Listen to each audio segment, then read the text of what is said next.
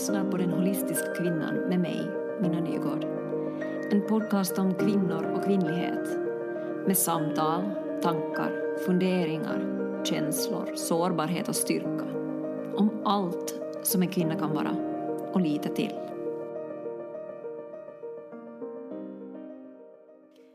Hej och välkommen till Den holistiska kvinnan. Det har varit en ganska lång paus här. Jag har haft det här avsnittet inbannat faktiskt en längre tid sedan i höstas.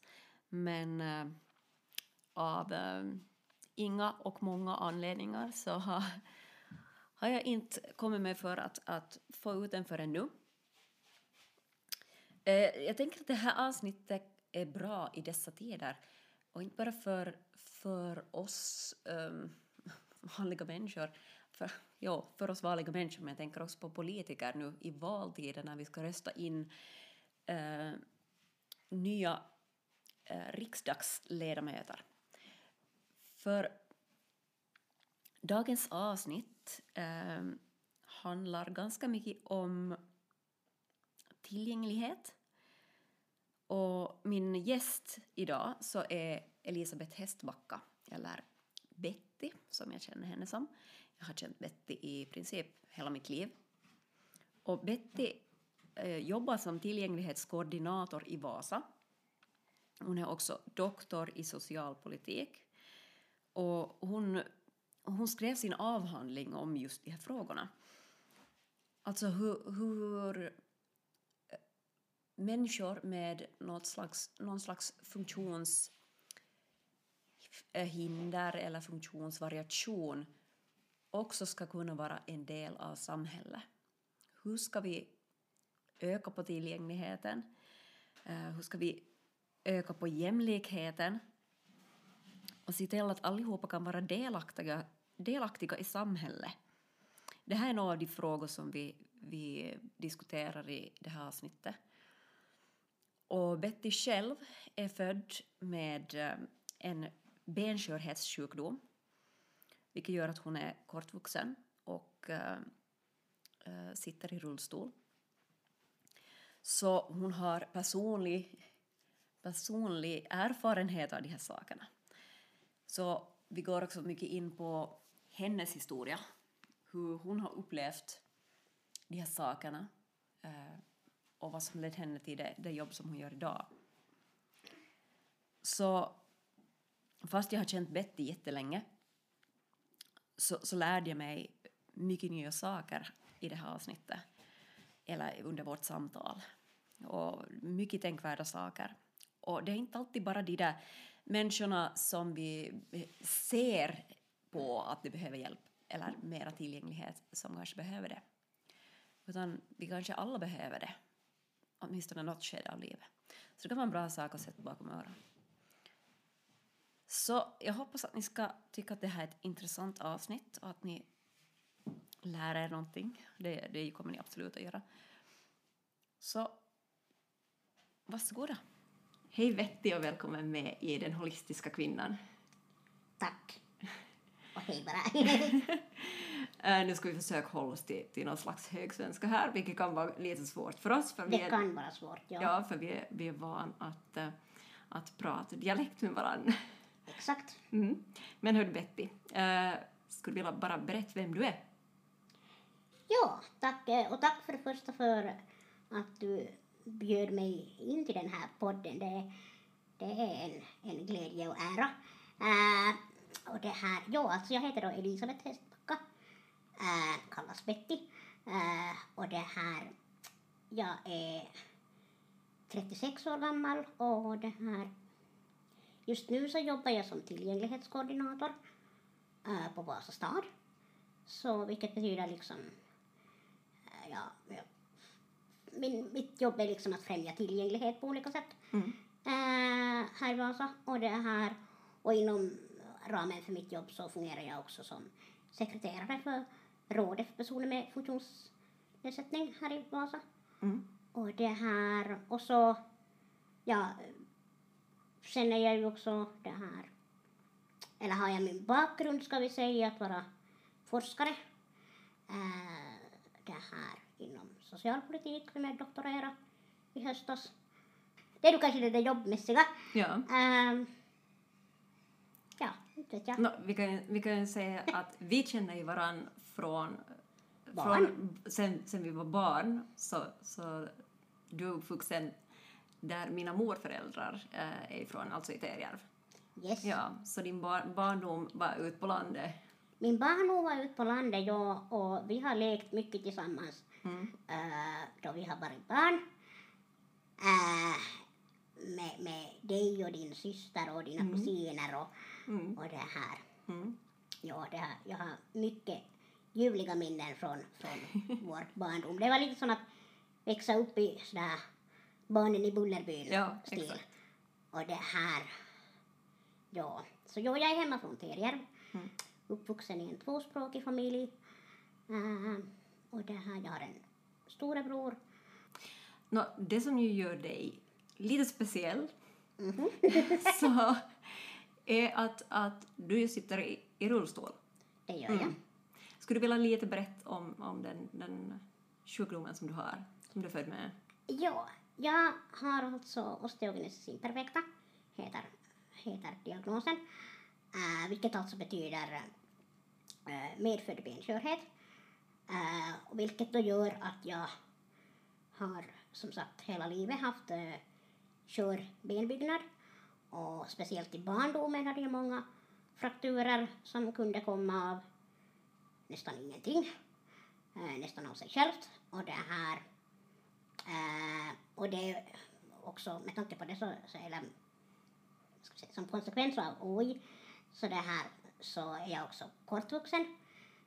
Så jag är under en meter lång och det här och eh, ja som sagt har aldrig kunnat på det sättet ta mig fram gåendes utan har alltid rört mig med, med rullstol.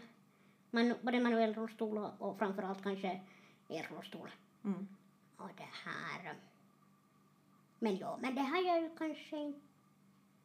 Alltså ja, det är ju bara en del av mig. Ja. Det är ju bara en egenskap av många andra. Men visst har det ju också format mig som människa. Mm. Det, och kanske också fört mig in på, på, på den, den arbetskarriär jag har idag. Att det, det är ju, och jag menar det, det, ja, det har påverkat mitt val av studieinriktning och mitt val av forskningsinriktning och mitt också hur jag har kommit in på det jobb jag har idag. Mm.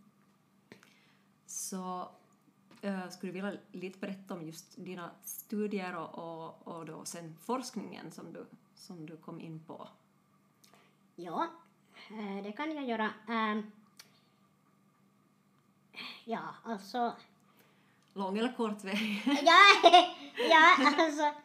ehm, men som sagt, det, det som jag kanske vill gärna poängtera är att, eller vad ska jag säga, lyfta fram är det att, att jag som sagt redan hemifrån så har, har jag liksom, och, ja, och redan från barn liksom har blivit ganska långt behandlad som alla andra. Förstås har jag ju som, man har ju beaktat de, de praktiska faktorer och sånt, men att, Mm. men hur ska jag säga, jag har, jag är, speciellt nu i dagens läge och redan då förstås, men, men speciellt nu som vuxen så ser jag ju liksom, är ser som, är ju väldigt tacksam över, över liksom eh, att jag har getts de möjligheter som alla andra har. Ja. Eh, att liksom, jag, har, jag, har kunnat, jag har kunnat gå i skola, eh, förstås med, med personlig assistans, men ändå. Eh, jag har liksom, jag menar, jag har gått i skola och tagit studenten samtidigt Och varit som delaktig, jämnåriga. delaktig liksom alla, som de flesta aktiviteter Ja, som de ja, alltså jag har haft hobbyn och jag har liksom haft vänner och jag har liksom, ja, jag har, och förstås det har ju varit, mina föräldrar och min familj har ju varit ett helt ovärderligt liksom stöd Ja. och en helt nyckelroll där men att, men också liksom mina vänner, att, att jag har haft liksom, jag har haft vänner och, och jag har, jag har på det sättet eh, inte blivit egentligen mobbad heller i skolan på det sättet utan har, har faktiskt fått vara med som en i, en i, en i gänget och en i mängden. Mm. Äh, och det här. Och, och som sagt, eh, ja, sen, sen eh, då efter studenten så kom jag till, eller sökte jag mig till, eller ska vi säga, om vi säger så här. Jag gick i gymnasiet så, och började närma mig studenten så, så började jag fundera, men vad ska jag liksom börja, börja studera? Mm. Äh, och jag har ju förstås alltid nog varit på det sättet medveten om realiteterna att, att jag kan ju inte ha ett jobb var, som kräver liksom fysisk äh, prestation. Så jag har försökt satsa på huvudet istället. Ja. på att utveckla huvudet så gott det går. det här. Äh, för att där ser jag att det, det är det jag kan konkurrera med på arbetsmarknaden. ja. Äh, och det här och, eh, och då jag var i gymnasiet så tänkte jag att, att, att redan då hade jag den där tanken att, att jag vill i framtiden jobba med någonting var min egen erfarenhet som, som funktionshindrad kan komma andra till nytta Ja. på något vis. Jag visste inte ännu hur, men det, det var liksom min vision Mm. då, redan då. Och så blev det att jag sen kom in på socialpolitik vid OA här i Vasa Mm. och det här och läste till magister där. Och sen igen då jag var i slutskedet av gradun så även om jag hade haft eh, sommarjobb nu under studietiden så, så var jag ändå liksom väldigt ängslig över det där att, att, men, att vem ska, hur ska jag hitta jobb sen när Ja. jag blir klar? Eh, att det här att vem ska anställa lilla mig? Eh, men sen som ett bönesvar så kom det här min dåvarande handledare då så, så frågade mig då på en, en graduhandledning att, att det här, menar att, att har du något jobb i sikte? Mm. Nej. Och så bara, ja vi skulle behöva en forskningsassistent. Att skulle du vara intresserad? Mm. Det var visserligen liksom ett, ett eh, tidsbundet eh, kontrakt men i alla fall. Och jag var ju sådär, ja, ja, ja tack gärna. Mm. Att jag tackar ju inte nej till liksom ett jobb som blir erbjudet på silverfat. Och sen då jag hade ju varit där då, inte alls länge, så det här så började ju då just då min handledare, som sedermera också blev min ha- handledare med avhandlingen. Så det här, så han och dåvarande professorn och några andra kollegor där så, så började jag säga att men ska du inte börja doktorera då? Mm. Och det hade jag inte kanske tänkt själv. Ja, precis. Äh, men sen blev det så. Mm. Att jag började efter det där forskningsassistentjobbet så, så började jag doktorera.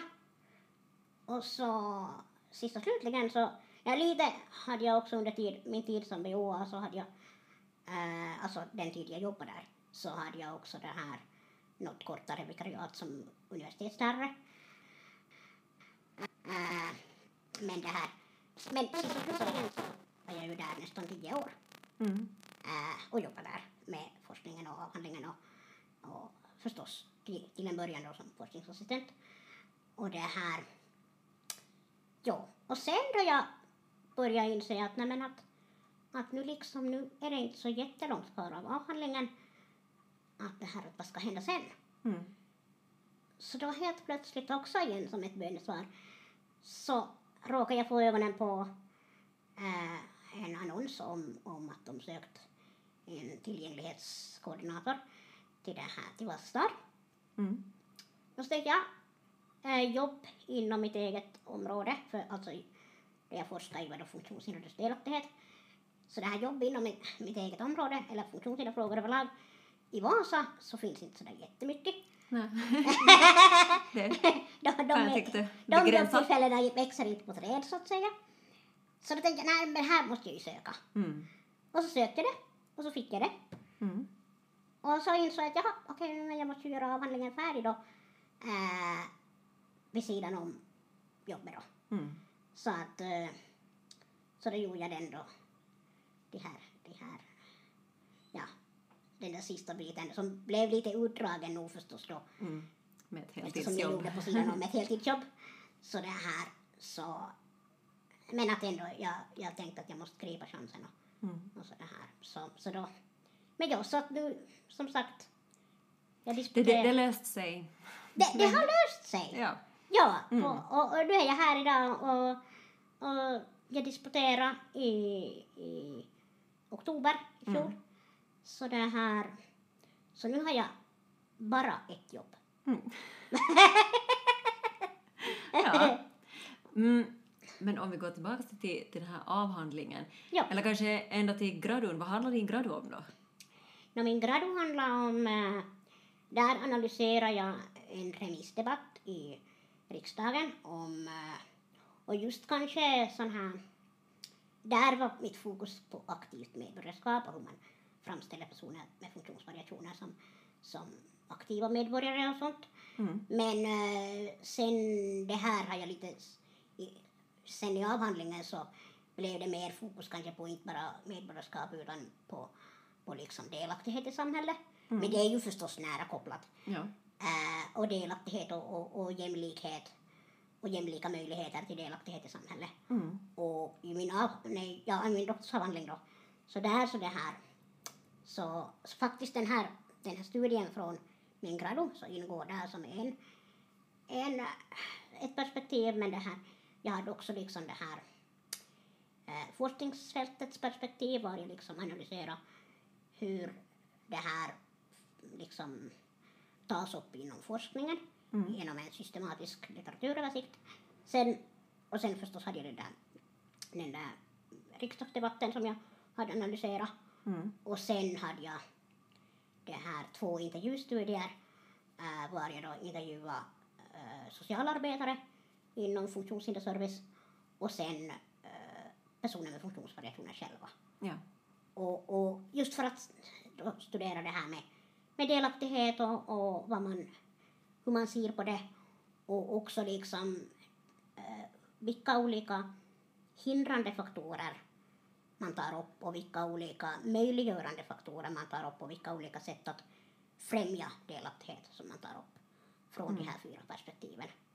Och, och genom det här så försökte jag då, eller genom att, vad ska vi säga, sen i, i, i själva kappan eller själva liksom avhandlingen då så försökte jag fläta samman de här fyra Mm. perspektiven då. Precis. Ja, vad ska jag säga, vad, vad kom du fram till någonting då? Liksom så här, hur ser situationen ut idag?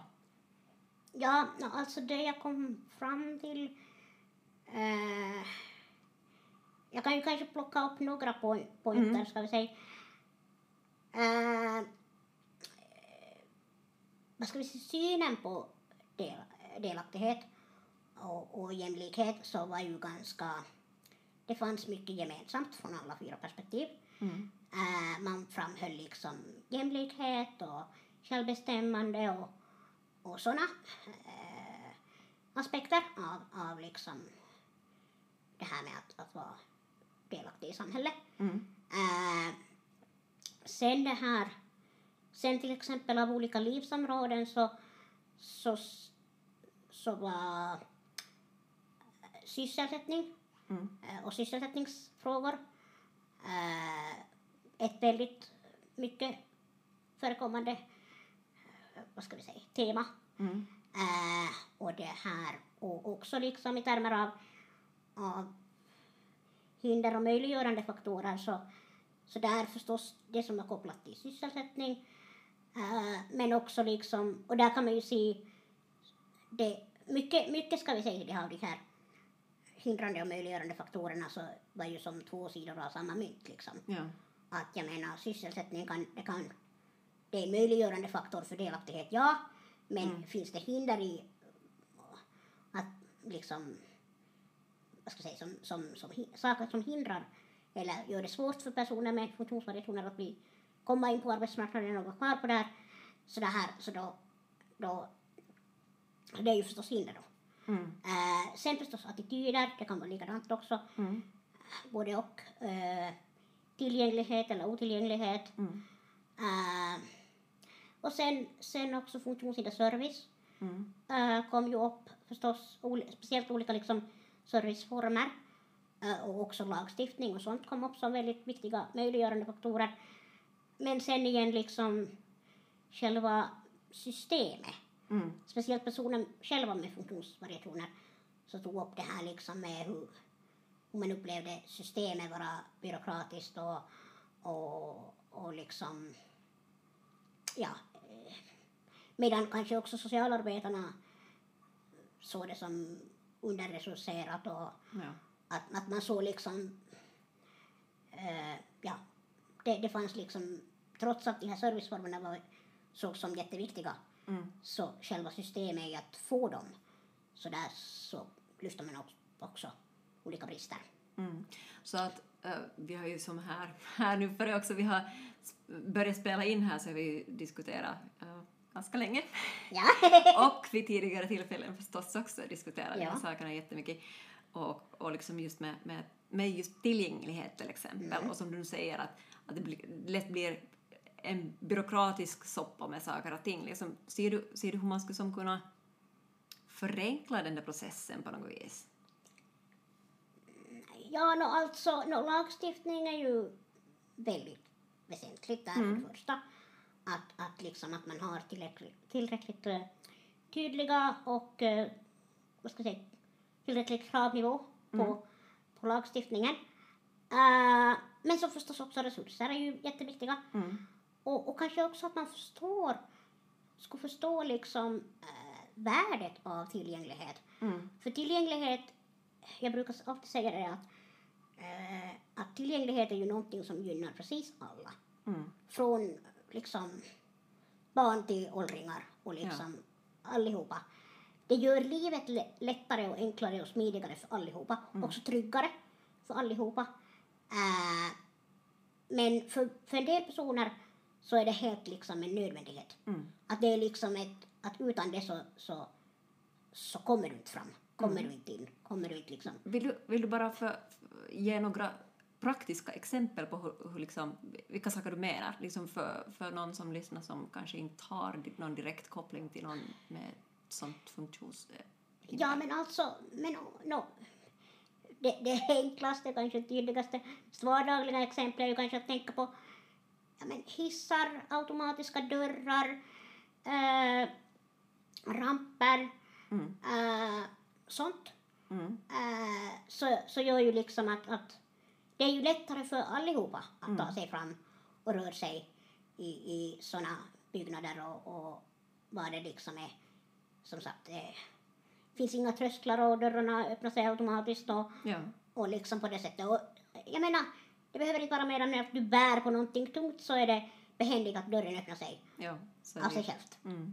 Eh, men eh, för någon person så kan det vara liksom att men öppnar inte den dörren av sig självt så då kommer du inte in överhuvudtaget. Ja. Eh, så det här. Och sen, sen det här. eh, Sen också kan vi också tänka på en trygghetsfaktor. Att eh, till exempel här i Vasa så en, en, en sak som jag har varit glad över ända sedan jag flyttade hit så har varit till exempel det att man har uppvärmda gator runt torget. Ja. Och, och det gör ju att på vintern så är det nästintill snöfritt. Mm. Eh, det är lätt att ta sig fram. Mm. Men det är också tryggt. Mm. För det förebygger liksom halkolyckor. Mm. Också för vem som helst annan. Precis. Och så att... Eh, så som sagt, jag... Det, det, Generella. lösningar gör ju nog liksom livet lättare för allihopa. Mm. Eh, och sen, sen när man tänker liksom på, på det här... eh, tillgänglighet gäller ju inte bara liksom den, den byggda miljön eller den Mm. fysiska miljön utan det gäller ju också liksom kommunikation Mm. och information och, och speciellt i dagens eh, liksom värld var allt mer eh, digitalt och sånt. Så det här så, så är det också viktigt att man beaktar där tillgänglighet och, och, och det här. Men också i de sammanhangen så kan tillgängliga lösningar och låt oss säga till exempel att man, man lägger märker vi liksom kontraster i färger Mm. i till exempel olika texter. Det är mycket lättare att läsa en text om den har liksom tydliga färgkontraster Mm. äh, än att du har färgnyanser som är nära varann. Och då har du mycket svårare att urskilja den texten även om du liksom skulle inte ha någon synnedsättning överhuvudtaget. Precis. Men det är liksom lättare, lättare för vem som helst. Mm. Men för någon med en synnedsättning så kan det vara omöjligt att läsa en sån text. Eller att, att du kan använda skärmavläsningsprogram på, på olika webbsidor och ja, allt möjligt. Mm. Att det, det är sen en helt, helt egen värld. Eh, men att i dagens allt mer digitaliserade värld så, så är det ju eh, ja, det, det är också viktigt att den tillgängligheten beaktas där. Precis. Att man, den här tillgängligheten är mycket mer än bara, bara ramper och hissar. Ja, exakt, för det är ju kanske det som ens tankar först går till. Ja, ja, Att just personer med funktionsvariationer är ju en, en väldigt stor grupp med som där, där de här variationerna kan se ut på så otroligt många olika sätt. absolut. Det är en väldigt heterogen grupp. Mm. Eh, och det här... Jo, så att där... är Som, så, som kanske ibland buntas ihop till en ganska homogen grupp, eller i Ja, ens liksom jo. så här tankar. Ja, precis. Och, och, sen, och, och sen ska man ju också komma ihåg att, att personer med funktionsvariationer, där finns samma mångfald av livssituationer också. Mm. Jag menar, det finns personer med funktionsvariationer som jobbar, som har familj, som liksom ja, har aktiva liv på, eller som åtminstone vill ha aktiva liv Mm. eh, och borde kunna ha det. Eh, så att liksom det där, den där mångfalden av olika livssituationer Mm. är ju också lika stor. Ja. Och personligheter och preferenser och ja, Ja. så att eh, ja, men, men, men förstås det är ju omöjligt kanske att skapa ett samhälle, även om man strävar till ett sånt här design for all eh, tänkande så är det ju omöjligt kanske att nå dit helt och hållet. Mm. Men vad ska vi säga, där sen ut, eller utöver den tillgänglighet som, som man kan nå då genom, genom vissa standardlösningar så kan man ju sen liksom ännu, eller behövs det ofta också, eller ibland i alla fall, eh, vissa kanske personliga anpassningar Mm. eh, och till exempel hjälpmedel eller, eller personlig assistans eller någonting som ytterligare kompletterar det här Mm. och, och möjliggör den där delaktigheten. Mm. Och det att man kan vara med på alla, alla livsområden Mm. jämlikt med alla andra. Ja, precis.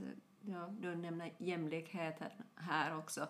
Och sen så, så har, vi, har vi ju diskuterat också eh, tidigare då det är my- mycket tal om, om också eh, kroppspositivism.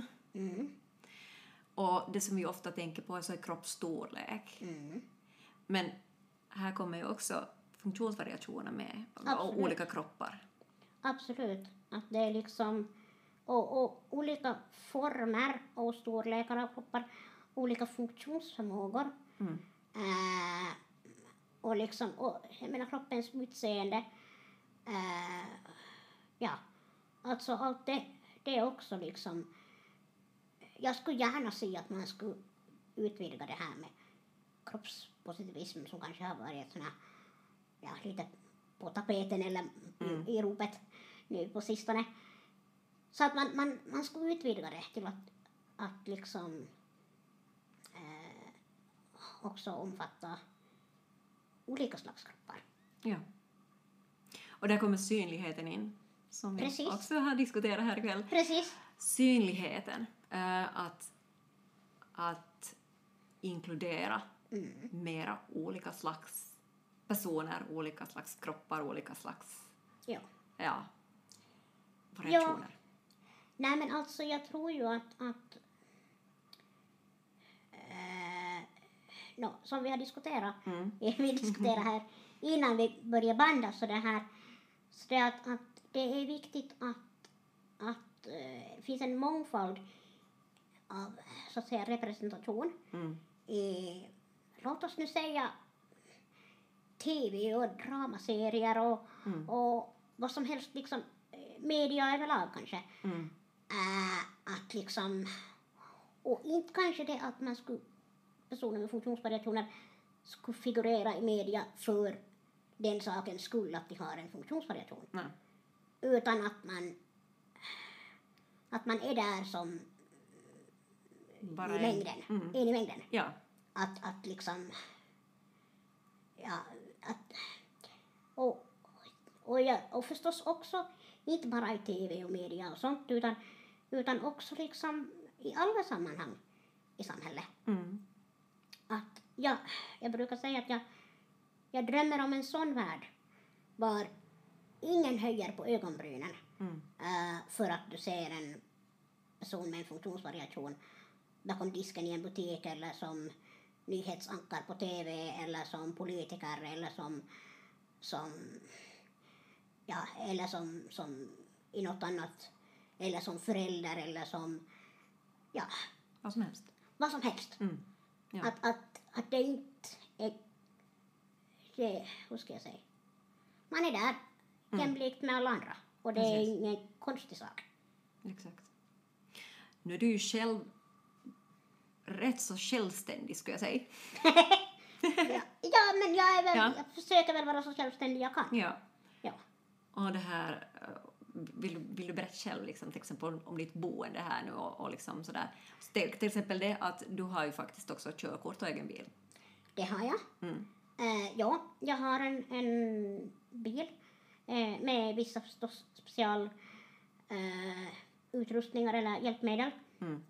Men en bil som jag kör själv och kan hantera själv. Och, och det här.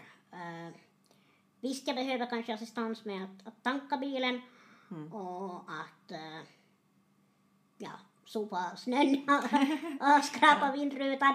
Eh, men bortsett från det så, så, så ja, eh, och det här. Och sen, ja, jag menar jag bor i en eh, någorlunda vanlig lägenhet och, och det här som förstås har vissa specialanpassningar, till exempel i toaletten och köket och så. Mm. Eh, och sen det här, och sen har jag i min vardag då förstås mina hjälpmedel som rullstol och sånt, men att, att också det här eh, personliga assistenter Ja. som, som det här, som, ja, som kommer och hjälper mig kanske i snitt sådär varannan dag kanske.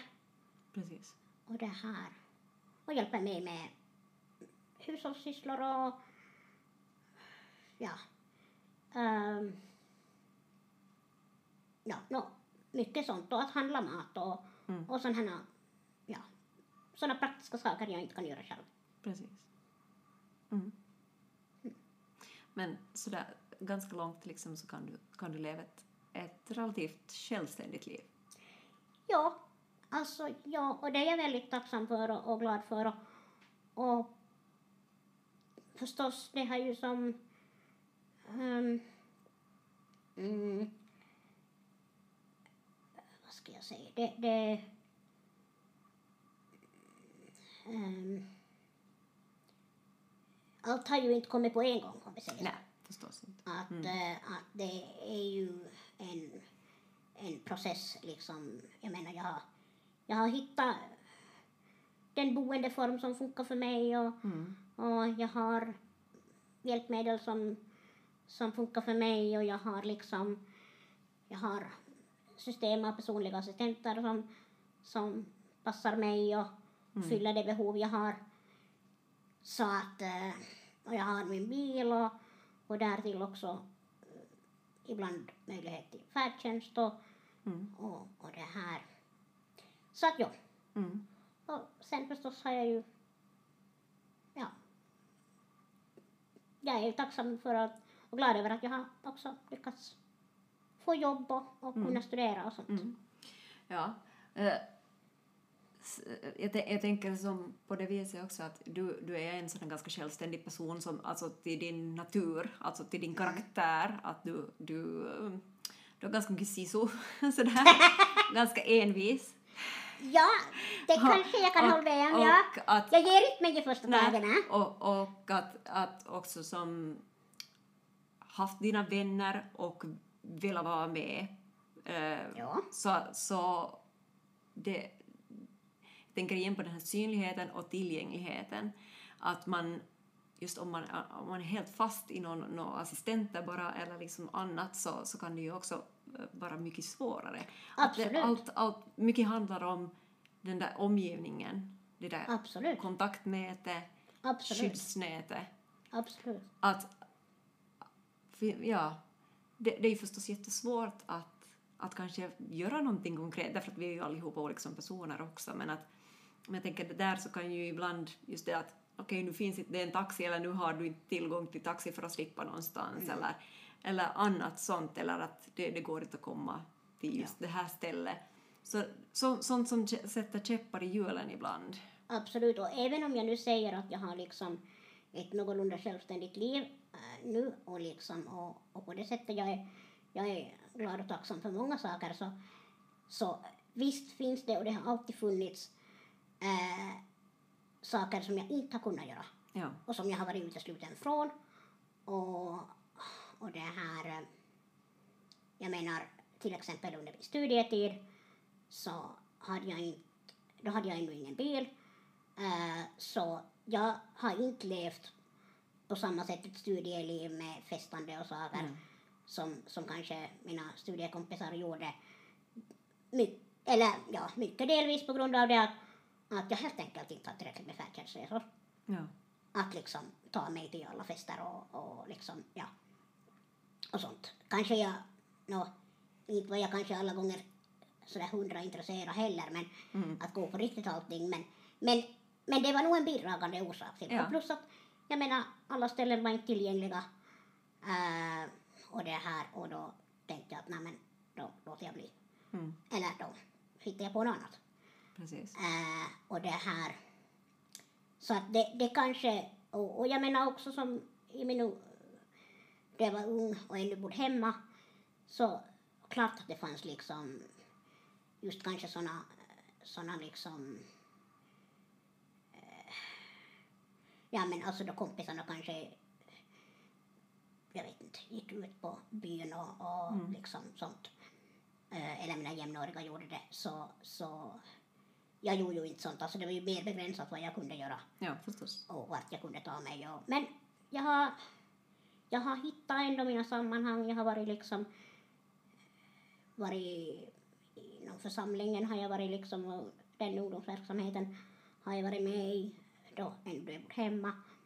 Och det här så, och där har jag hittat mitt sammanhang och hittat, hittat liksom det var jag har så att säga passat in. Mm. Eh, och det här och eh, och sen och förstås jag har sjungit i kör till exempel. Eh, så det har varit jätte, en viktig hobby för mig. Mm. Och ja, så att jag har väl försökt hitta andra lösningar och Mm. andra sammanhang att vara i. Precis. Mm.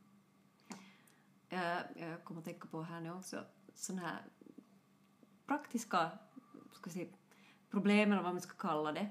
Du är, du är liten till växten. Mm. Och till exempel klädsel kan ibland vara, vara säkert Oh, ja. en, stor, Det är en stor utmaning. utmaning och det var precis det ordet jag sökte. Ja. Ja, alltså det, det har ju alltid nog varit en utmaning. Eh,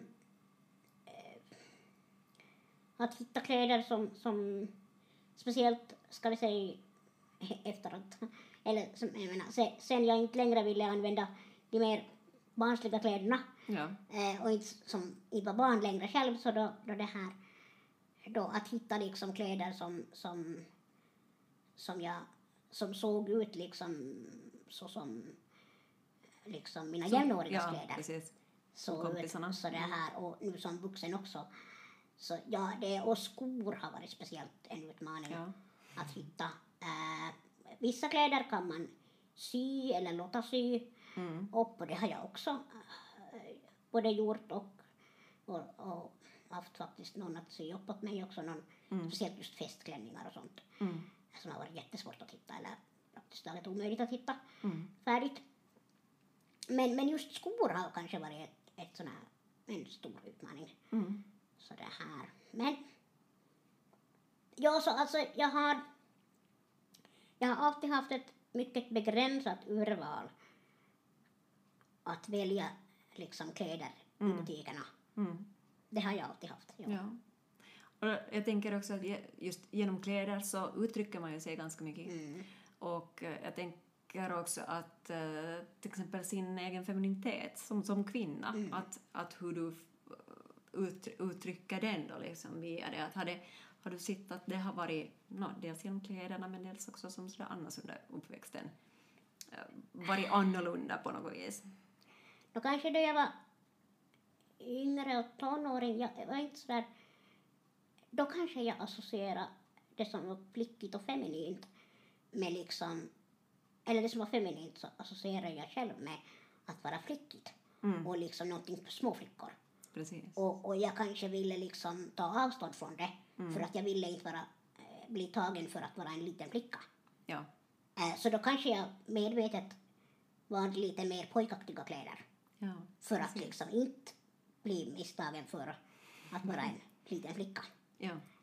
Eh, Men, men i vuxen ålder Mm. så har jag kanske hittat mer den där, kan tycka att ja, men spets är ju riktigt kiva. Ja. liksom. Men, men det kanske jag inte gjorde ännu som när jag var 15, om Mm. vi säger så. Att då, då tyckte jag inte, då skulle jag inte ha satt på mig det. Nej. Eh, för då associerar jag spets med, med någonting som småflickor har. Ja. Så att, eh, ja. Det är ju egentligen kanske det där vanliga tonårs... ja, Grejen, ja, ja, men, ja men, men kanske just på grund av att, att jag är så kanske. kort Ja. och så liten. Jo, men förstås. Jo, jo, Ja, jag så, förstår. att, så då blir det Mm. liksom att, och då också utbudet på kläder i butikerna i min storlek så var väldigt, eh, och är väldigt liksom flickigt, Ja. småflickigt. Ja. Och, och speciellt kanske nu, det som är kanske, ja, överlag så tycker jag ju inte att det är bra att barns kläder påminner mer om vuxnas kläder idag. Mm. För jag tycker barn ska få vara barn. Men för min egen del så är det ju till fördel att, att det, den där trenden har gått mer åt det att barns kläder ser mer vuxna ut. Mm. För att det gör ju att det utbudet jag har att välja på Ja. så är lite närmare vuxnas kläder. Precis. Ja. Inte ett, inte ett ont som inte för något gott med sig. Ja, men det är lite tudelat där. Absolut, ja, Ja. Det kan jag hålla med om. Ja. Ja. Och, och liksom, du, du, ser, du ser ganska annorlunda ut än, Mm. än vad ska jag säga, vi, vi andra. Mm. Så, och det har påverkat som jättemånga olika saker, som nu till exempel dina kläder. Mm. Hur, skulle, hur skulle du säga att det här har påverkat dig? Sådär som människa och din kvinnosyn till exempel och liksom din syn på dig själv. Liksom. Um, nu ska vi säga sådär att eftersom jag inte eh, ser ut som de flesta andra, Mm. eh, bara med tanke på min längd till Mm. exempel, men också överlag liksom eh, Och själva kroppsbyggnaden är kropps, annorlunda. kroppsbyggnaden och hur jag rör mig och allt det där. Så det här, så, så, eh, ja alltså jag har ju, jag passar ju inte in i den skönhetsnormen Mm. som, som råder. Mm. Och, och det har kanske gjort att jag inte alltid kanske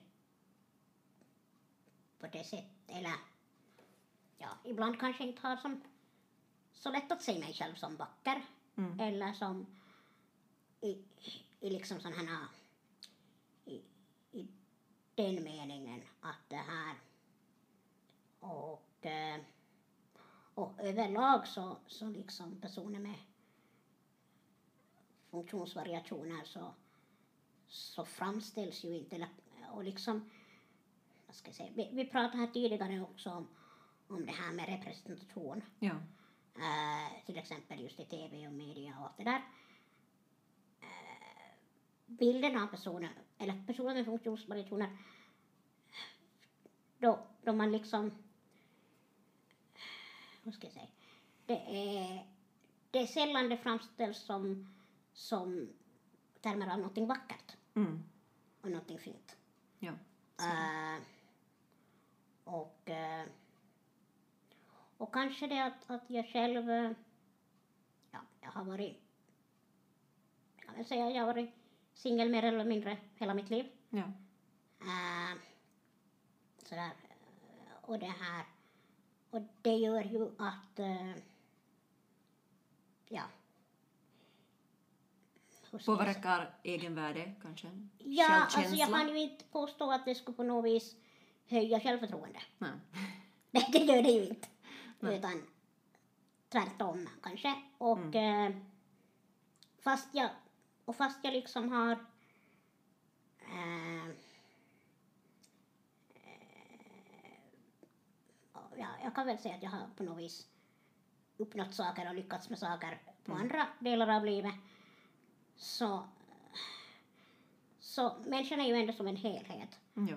Och, och har man inte så bra självförtroende på, på ett livsområde Mm. så fast man försöker kapsla in det till det, det området så, så det här så är det oundvikligt att det lite påverkar också andra Mm. aspekter att man kanske känner sig lite otillräcklig Mm. också i andra avseenden. Och kanske, ja, det, den känslan har jag. Men den, den känslan kanske jag, jag har känt av gans, ja, tidvis. Mm. Eh, Också till exempel i termer av jobbsammanhang eller sånt. Mm. Att det här, och inte kanske haft som, den där självförtroende som jag sa, jag, jag ängslades över det där att vem ska du anställa mig? Mm. äh, det jag skrev Radu.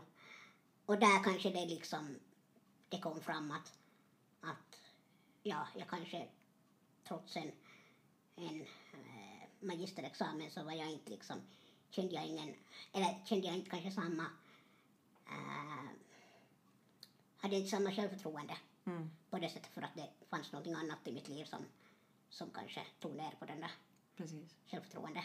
Det, det är liksom... Jag är ju inte på det sättet ändå unik med den här upplevelsen. Nej. Att jag tror att... Eh, Ja, men det är ändå din egen subjektiva upplevelse av ditt liv. det är det, Så- det är det. Men, men jag tror att, att har man... Man kan ha olika utmaningar i livet, vare sig det handlar om en funktionsvariation eller någonting annat i livet som gör att, som tar på något vis gnager ens självförtroende. Mm. Så det, där tror jag att jag inte på det sättet är unik att, att det inte skulle påverka också andra livsområden. För jag tror det är samma sak för, för andra människor också. I, Mm. Att har man något, något, någon del av sitt liv som man kanske inte känner sig så självsäker på så då, då kanske det också ibland märks av på andra områden också. Men, men å andra sidan, sen igen kan man vända det åt andra hållet. Mm. Och och det här, det här faktiskt sa jag till dig redan Mm. tidigare då vi pratade att, att som jag berättade att, att det har ändå gått väldigt jag menar som sagt jag har, jag har jag, jag är glad och tacksam för att jag har haft eh, eh, jobb eh, hela tiden och det här och och förstås har jag ju nog jobbat för det. Att, ha, att komma till den punkt jag är idag. Men, men ändå att jag är glad att jag är där och det här och vad jag är.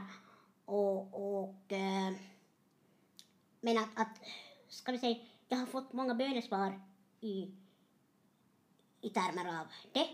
Så därför tänker jag som så att ja men även inom andra livsområden må vara då att jag får vänta lite längre på det där bönesvaret. Mm. men det har ordnat sig i termer av jobb så kanske det ordnar sig också med Mm.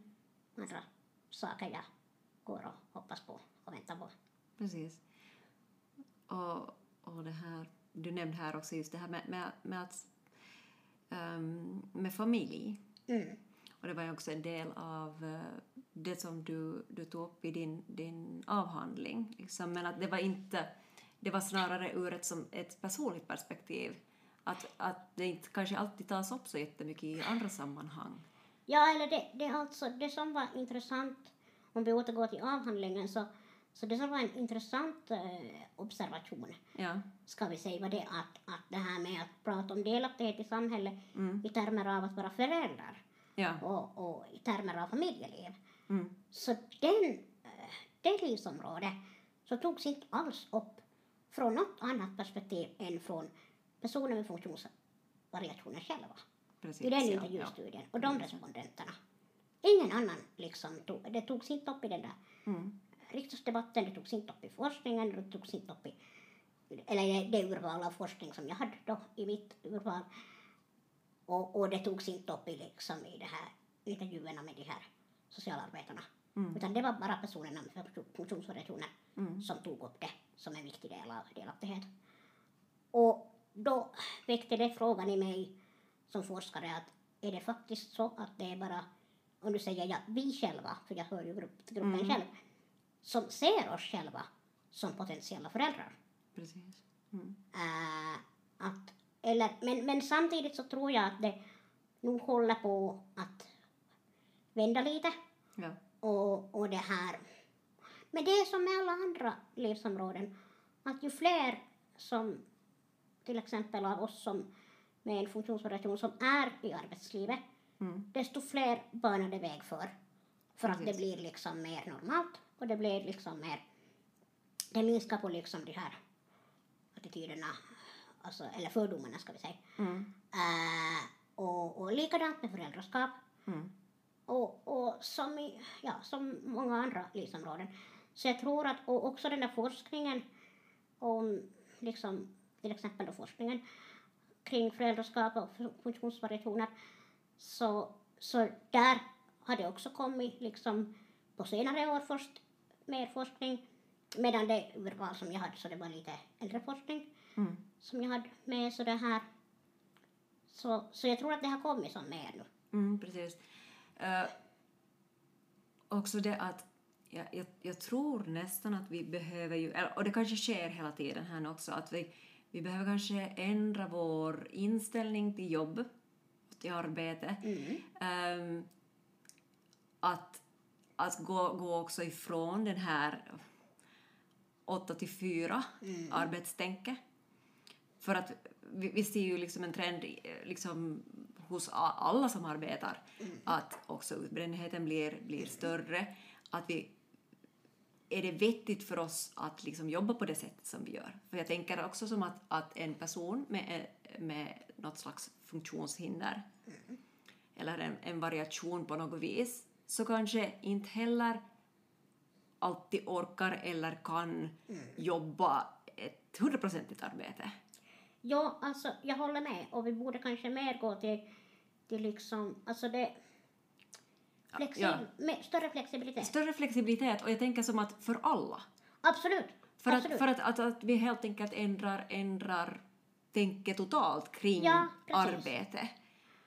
Och- Uh, ja, det- se, se mera på att vad va, vad är det vi får till stånd genom det där arbetet, Mm. inte på hur mycket tid vi har satt ner på det där arbetet eller hur hårt någon har jobbat för det. Ja. Och, och det finns mycket aspekter med coronatiden, men det kan ju också ha öppnat upp fler möjligheter till till Mm. exempel distansjobbsmöjligheter och, Ja. och, och kanske det där att man inser att det där att visst det är viktigt att vara med på jobb och man, det, jag, betyder, jag menar inte att personer med funktionsvariationer ska sitta hemma och jobba, det är inte det jag menar. Men, men att den där flexibiliteten, att det där också, att den, den liksom ökar, att man kan lite flexa med, med arbetstider och platser och, och så. Vilket då kan göra det möjligt för, för personer med funktionsvariationer eller olika funktionsförmågor att vara med eller att jobba. Och det här och, eh, och det att man liksom eh, vi har i vårt samhälle, vi har en åldrande befolkning. Mm. Eh, vi behöver alla som kan jobba. Mm. Alltså nu samhällsvetaren i mig här, här liksom säger det här men, men alltså på riktigt vi behöver liksom det, det är lite av ett outnyttjat potential Ja. i liksom personer med olika funktionsnedsättningar och variationer. Mm. Att det, det finns mycket potential där Mm. som man, kanske man inte kan jobba hundra men det, det är liksom, låt oss säga man jobbar någon mindre procent men det är ändå bättre än ingenting. Exakt. Och det är bättre för liksom inte bara samhället utan också förstås för individen. Ja. Att, och inte bara ekonomiskt utan också liksom att man ingår i ett sammanhang och får liksom, Ja. ja, man, man kan bidra och man, ja, Det Allt det ett, där. det mänskliga behovet av Ja. att liksom höra till. ja. Och, och också känna att man bidrar och att man Att bidra, man absolut. har, ja. får kollegor och man liksom skapar nätverk och Mm. att man helt enkelt är delaktig i samhället. Men, ja, delaktig i samhället och mer jämlik med alla andra. Precis. Ja. Absolut. Och, och jag tror att, att ju mer vi är liksom delaktiga, desto mer kommer det lite sådär, jag hoppas i alla fall att det skulle komma så, att man, man liksom lite mer automatiskt skulle tänka att, att ja, men, ja, men vi behöver ju laga det här tillgängligt, så kanske vi, vår nästa arbetstagare rör sig med rullstol. Mm. Att, att det inte liksom, att man inte tänker, ja men här, här behöver vi inte göra tillgängligt, personalutrymmena behöver vi inte göra tillgängliga för att vi har ju aldrig haft någon som har Mm. behövt någon rullstol här. Precis. Men what if? Mm. Tänk om det är liksom så att, eh, ja, det, det och, och då tror jag att man liksom på något vis, ja, det, det kommer lite mer, att man automatiskt tänker på det. Mm. Kanske, hoppas jag i alla fall. Ja, det hoppas jag också. Jag, jag är lite idealistisk och vision, visionerar lite, men jag, jag vill ha tilltro till Ja, men som, som vi sa här, alltså, ju mera tillgänglighet det finns, ju, mer, ju synligare det blir, Mm. desto vanligare blir det och desto mera börjar vi som, sätta uppmärksamheten på det Ja. och göra det till en van, allt vanligare Ja, grej. ja. Så, att, så att det liksom bygger på hela Absolut. tiden. Och, och då också ser man liksom den här, det här värdet med tillgänglighet och det, det, det hjälper ju inte bara liksom bara den där enskilda människan utan det hjälper ju hela liksom hela samhället och hela Mm. liksom och jag menar som jag sa vi har en åldrande befolkning tillgänglighet, behovet av tillgänglighet Mm. är ju inte liksom på något vis försvinner inte Nej. utan det blir allt större. Ja. Vi är en allt större del av befolkningen som behöver, Mm. som måste ha tillgängliga lösningar. Exakt. Så att det, det är inte något liksom som, som håller på att försvinna. Jag menar vi har ett stort behov av till exempel till- tillgängliga bostäder Mm. och eh, ja, förstås offentliga utrymmen och allt det där. Mm. Allt det här. Så att, ja. Mm. Eh, om vi ännu går lite, lite sådär tillbaka egentligen bort från, från, från det här ännu till det här med, med jobbet och liksom din, din bild av dig själv också. Eh, så här, jag, tänker så här att, att tror du att du har, har liksom på något plan ehm, lite överkompenserat? Vet du, som att du behöver bevisa Jo. dig själv. Absolut. Dels, dels är du kvinna och dels har du liksom Absolut. det här. Så att, så att du har liksom känt att du behöver jobba extra hårt. Absolut. Eh, jag skulle ljuga om jag skulle säga något annat. Mm. Ja, absolut. Mm. Att, eh, som jag sa liksom redan i början, att, att då jag redan som barn, eller ung ska vi säga, insåg att, eller förstod nog det att, att realiteterna är liksom att, att jag kommer inte att kunna jobba med någonting fysiskt. Mm. Och då visste jag att okej, då är det enda alternativet är att liksom om jag, för jag menar, jag, jag såg inte mig heller som att jag inte skulle jobba. Mm. För klart, alla andra jobbar som är vuxna. Ja. Så, och det är kanske det som kommer hemifrån från mig att, att jag har, jag har alltid eh, identifierat mig med mina jämnåriga. Ja. Och liksom identifiera mig med, som, som oavsett funktionsvariationer. Precis. Att liksom att, att jag har alltid tänkt att ja men att alla andra efter gymnasiet, alla andra går och studerar, jag går också och studerar. Mm.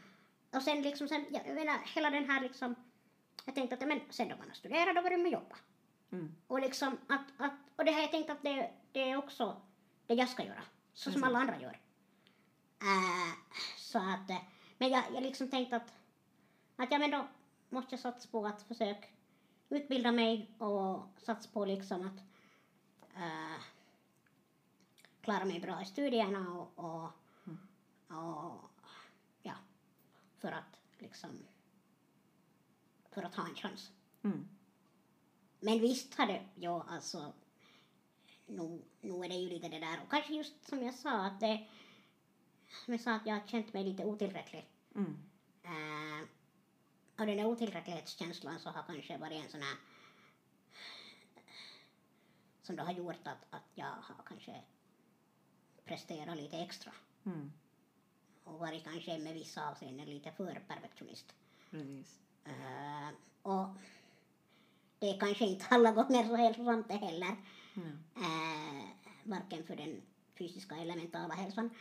Äh, men ja, det, det är ibland svårt att ändra på sånt också. Mm. Ja. Ja, ja. Man får jobba med det. Man får jobba med det, Ja. kanske hela livet. Mm. Kanske Så, det, ja. Mm. Eh, om vi ska börja avrunda här så småningom, men jag tänkte så här till, eh, till sist så dels, vill, vill du liksom ehm, upplysa oss nu liksom om vad som är korrekt ord att använda? Liksom om, ehm, vad, vad, använder vi för ord nu då egentligen om någon som till exempel då sitter i en rullstol eller någon som ehm, är har en hörselnedsättning eller någonting sånt. Finns, vad, vilka är det korrekta eh, täckande ordet? Är det då en funktionsvariation eller vad, vad är det vi ska prata om? Äh, nå, jag skulle kanske själv gärna undvika att prata om handikapp. Ja. Äh, eller det försöker jag att kanske lite komma bort från.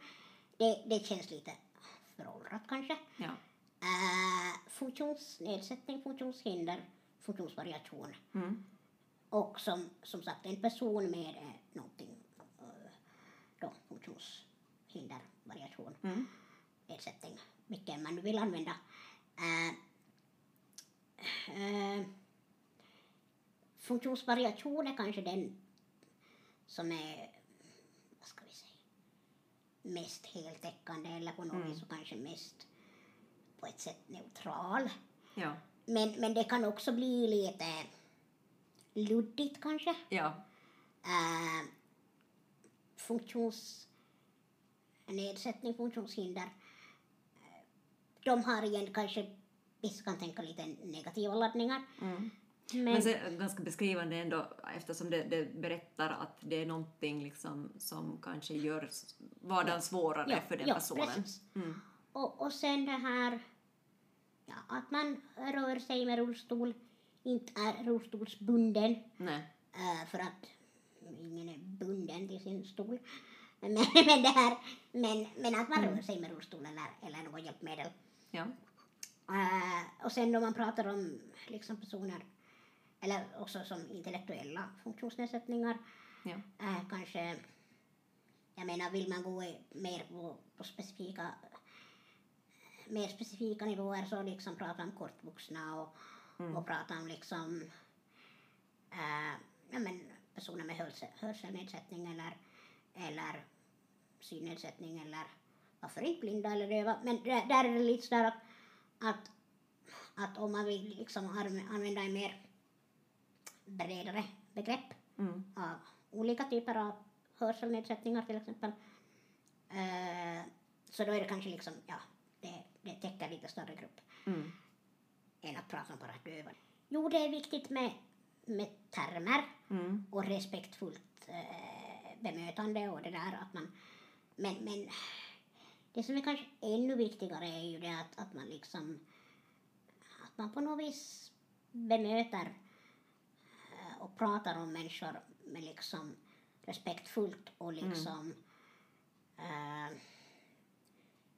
eh, ja, inte, och inte liksom använder olika funktionsvariationer eller för att inte tala om olika diagnoser som källsord till exempel Mm. Ja, förstås. och sånt. Ja, det är kanske den liksom värsta Det formen det av värsta före- kanske, ja. förolämpning. Ja, liksom. ja. Ja. Och, och, och kanske också det där att man inte heller i, i bemötande att man liksom inte gör förhastade slutsatser eller antaganden och har liksom förutfattade meningar utan kommer med Mm. sådär, bemöter människor öppet sin, öppensinnat och respektfullt och, Mm. och visst kan man till och med också fråga om, Mm. men som sagt eh, respektfullt i så fall. Ja. Eh, och det här. Men också det där att, att hur ska jag säga? Är nu den där diagnosen alltid så relevant heller? Mm. Att eh, vi är ju som så mycket mer än våra diagnoser. Precis.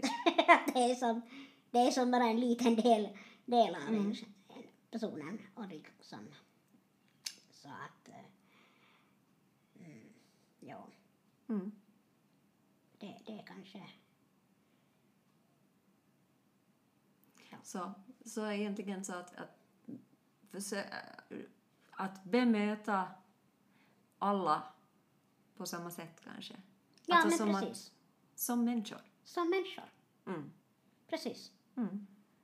Och, eh, och se liksom människan, Mm. personen, eh, och inte bara funktionsvariationer. Precis. Att liksom se den där människan som, som, som den unika och värdefulla person den personen är. Mm. Det tycker jag är ett jättefint budskap att avsluta med. Ja, Och vet du, vi klarar oss utan dialekt. vi gjorde det. Ja. Grattis till oss. Ja, bra, bra. Tack för att du ville vara med, Vetti. Tusen tack Minna. Mm. Det var jätteroligt att vara med och, och ja. Det var också spännande för min första podd som jag var med i. Ja. Kul. Tack. Tack. Tack för att du har lyssnat till Den holistiska kvinnan. Om du tyckt om det som du hörde så får du hemskt gärna följa mig där du lyssnar på dina podcaster. Och du får också gärna rata den här podcasten, skriva en liten rad om den så får vi mera följare och lyssnare. Du kan också gå in på Instagram och följa mig på Den holistiska kvinnan. Och om du har frågor eller funderingar eller kanske idéer för gäster eller någonting annat som du vill säga till mig så är det bara att ta kontakt antingen via- Instagram eller så kan du mejla, på, mejla mig på denholistiskakvinnan at gmail.com. Tack för att du lyssnade. Vi hörs igen. Hej då!